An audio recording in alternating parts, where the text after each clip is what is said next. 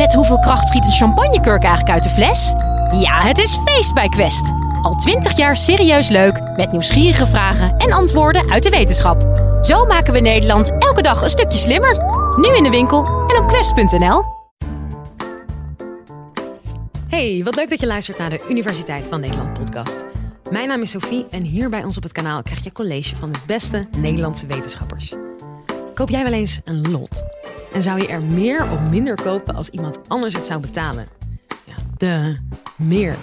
En in deze aflevering legt organisatiepsycholoog Kilian Wawu van de Vrije Universiteit Amsterdam het verschil uit tussen risico nemen en risico dragen. En waarom dit relevant is voor onze economie. Je leert ook wat loten te maken hebben met bankiers. Geniet ervan. Live vanuit Club Air is dit de Universiteit van Nederland.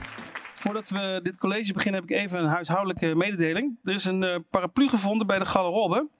Is iemand misschien zijn paraplu vergeten? Nee? Oké. Okay. Um, dames en heren, ik wil graag, eh, zo ben ik dan ook weer wel, ik wil graag even op zoek naar de eigenaar van deze paraplu. Lijkt me wel zo netjes.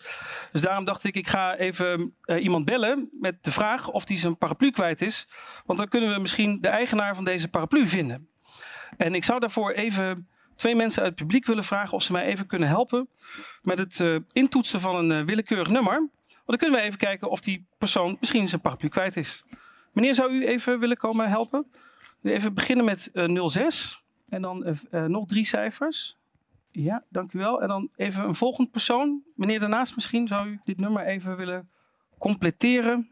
Ja, doet u er maar vijf bij, want dan hebben we in totaal... Goed, dames en heren. Um, we gaan eens even kijken. Ik ga even uh, iemand bellen uh, met de vraag of die misschien zijn paraplu kwijt is. Nou, daar gaan we.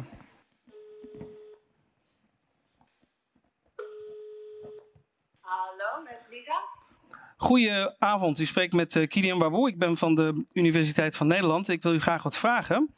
Ik heb een, een groen-gele paraplu gevonden en ik vroeg me af of u misschien een paraplu kwijt bent.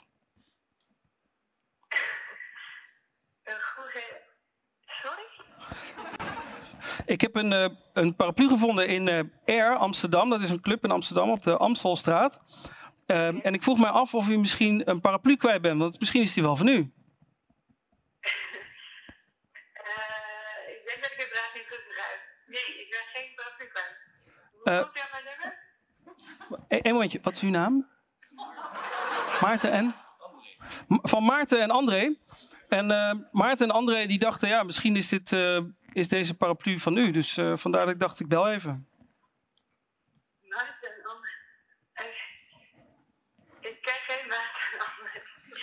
Bent u gewoon mensen aan het bellen om te zoeken naar een paraplu? Uh, ja, ik dacht, kijk, je weet natuurlijk nooit. Voor hetzelfde geld is hij van u. Kan toch?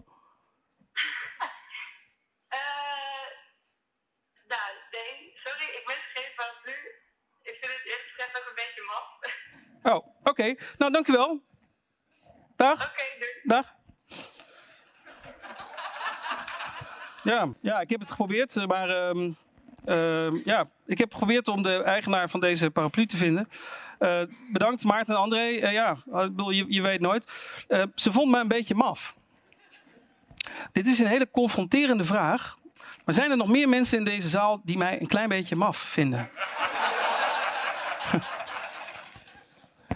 ik merk dat er behoorlijk wat mensen zijn die mij een klein beetje maf vinden. Um, ik, uh, ik, doe onderzoek naar uh, beloning en, en, prestatie en beloning en geluk. En ik, ik, heb daar geld voor nodig. En dat, dat gaat niet zo heel erg goed. Dat, dat fondsenwerven en zo, dat is allemaal, wordt steeds minder. Dus um, ik ben van, vanmiddag ben ik naar de sigarenboeren geweest.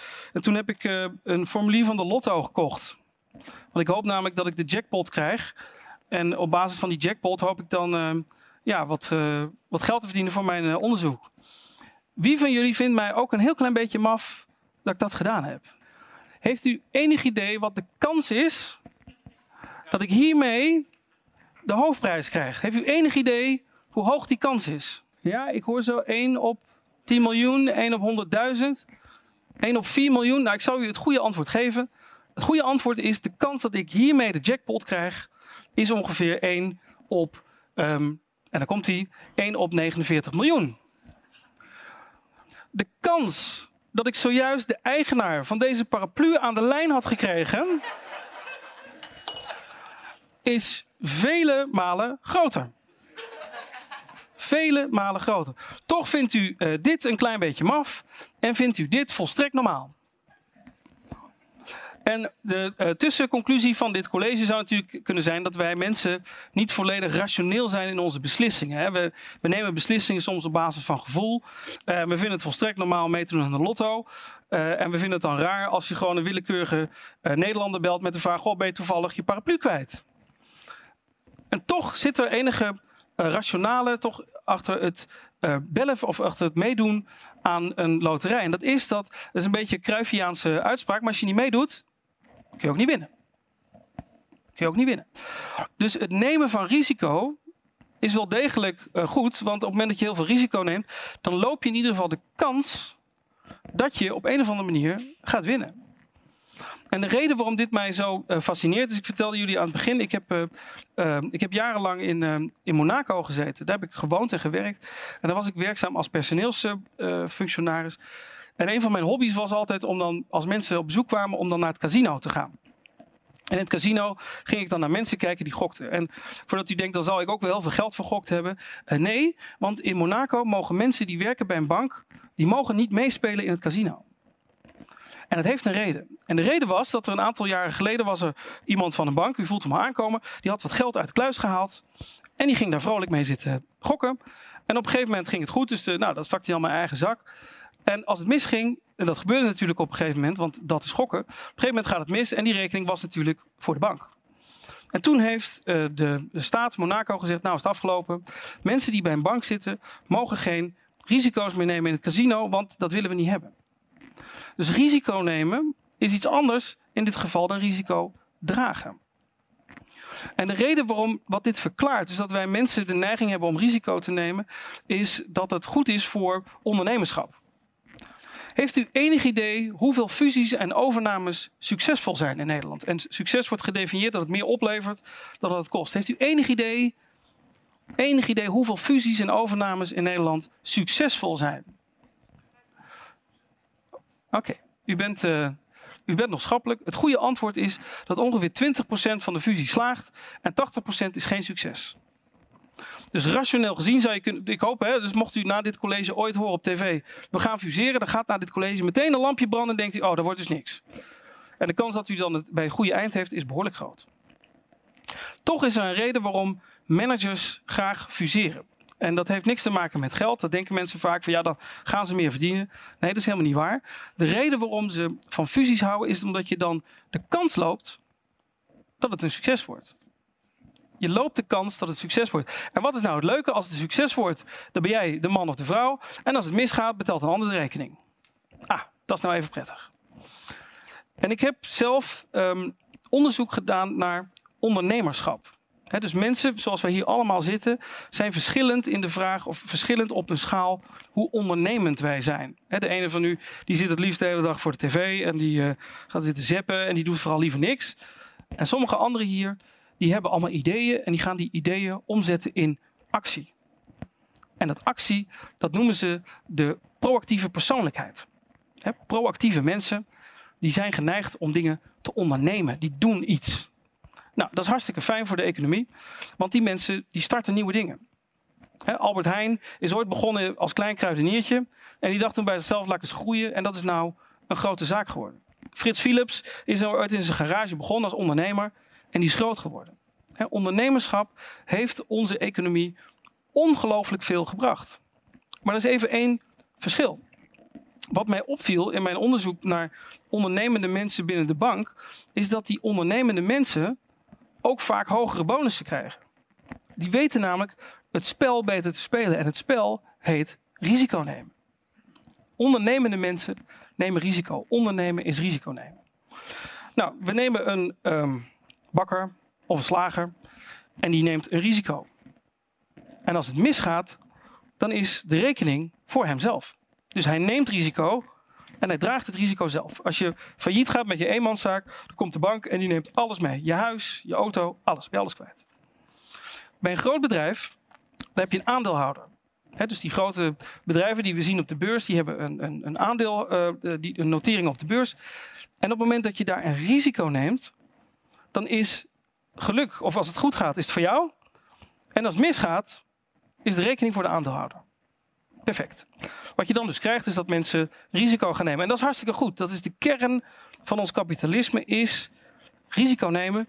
En eventueel dat risico vervolgens de anderen laten dragen. Dat is op zich helemaal niet erg, zolang die aandeelhouder het daar maar mee eens is. Dat hij zegt, nou ja, je neemt veel risico met mijn geld. Succes. als het goed gaat, moet je me even bellen, wil ik wel even vangen. Maar dat is prima. Het punt is dat risico nemen en risico dragen in bijvoorbeeld de bankaire sector totaal wat anders is. Want op het moment dat het misgaat met een bank, dat die een overname doet, waarvan we dus nu weten dat wordt niks. En ook in de bankaire sector kan ik u zeggen, die overnames, die fusies, die worden allemaal niks. Op het moment dat het dan misgaat, betaalt u de rekening. Dus jullie betalen de rekening voor het risico wat ze nemen in de bankaire sector. En dat is iets waar we nu in onze economie beland zijn. Is dat bijvoorbeeld die Occupy-beweging die je hier in Amsterdam had of die je in New York had, die bestaan uit mensen die zeiden: ja, maar wacht even, wij zijn de 99% die het risico draagt, terwijl de 1% die het risico neemt, ermee wegkomt. Succes is voor mij en falen is voor jullie. En dat heeft iets oneerlijks. En de vraag nu in onze economie is dat we toe zijn gekomen op een punt waarvan we denken: ja, maar hoe zit het nou eigenlijk met banken? Of met woningbouwcorporaties of met, met ziekenhuizen of scholen. Dat was toch eigenlijk ooit van ons allemaal. Dat was toch een publiek goed. En ik zal niet in de publieke of in de politieke discussie duiken of dat nou goed of slecht is. Maar wat ik er wel over kan zeggen is dat degene die het risico draagt, dat zijn jullie. Dus de vraag die bij jullie ligt is de vraag hoeveel speelgeld, hoeveel risico willen jullie dat die mensen eigenlijk mogen nemen? Want op het moment dat het misgaat, ja, dan zijn jullie degene die de rekening moeten betalen. En eigenlijk is dat iets wat we uh, in onze economie zouden moeten debatteren. Ik geef um, heel vaak lezingen en zo af en toe ook voor oud-collega's uit de bankaire sector. En ik had laatst had ik een. Uh, ik hou van experimenten. Vind ik leuk. Dan doen we experimenten. Dan kun je geld verdienen. En um, als het dan uh, goed gaat, dan krijg je een prijs. En dan iedereen klappen. Altijd, altijd succes verzekerd. En ik had laatst voor een groep bankiers had ik een nieuw experiment verzonnen. Ze moesten een taakje doen, namelijk met een bibberspiraal. U kent die dingen wel, hè, waar je dan zo omhoog gaat. En als je dan gaat bibberen, dan verdien je niks. En als je dan omhoog ging, dan verdien je geld. En op een gegeven moment had ik een leuk idee. Ik denk, weet je wat ik ga doen?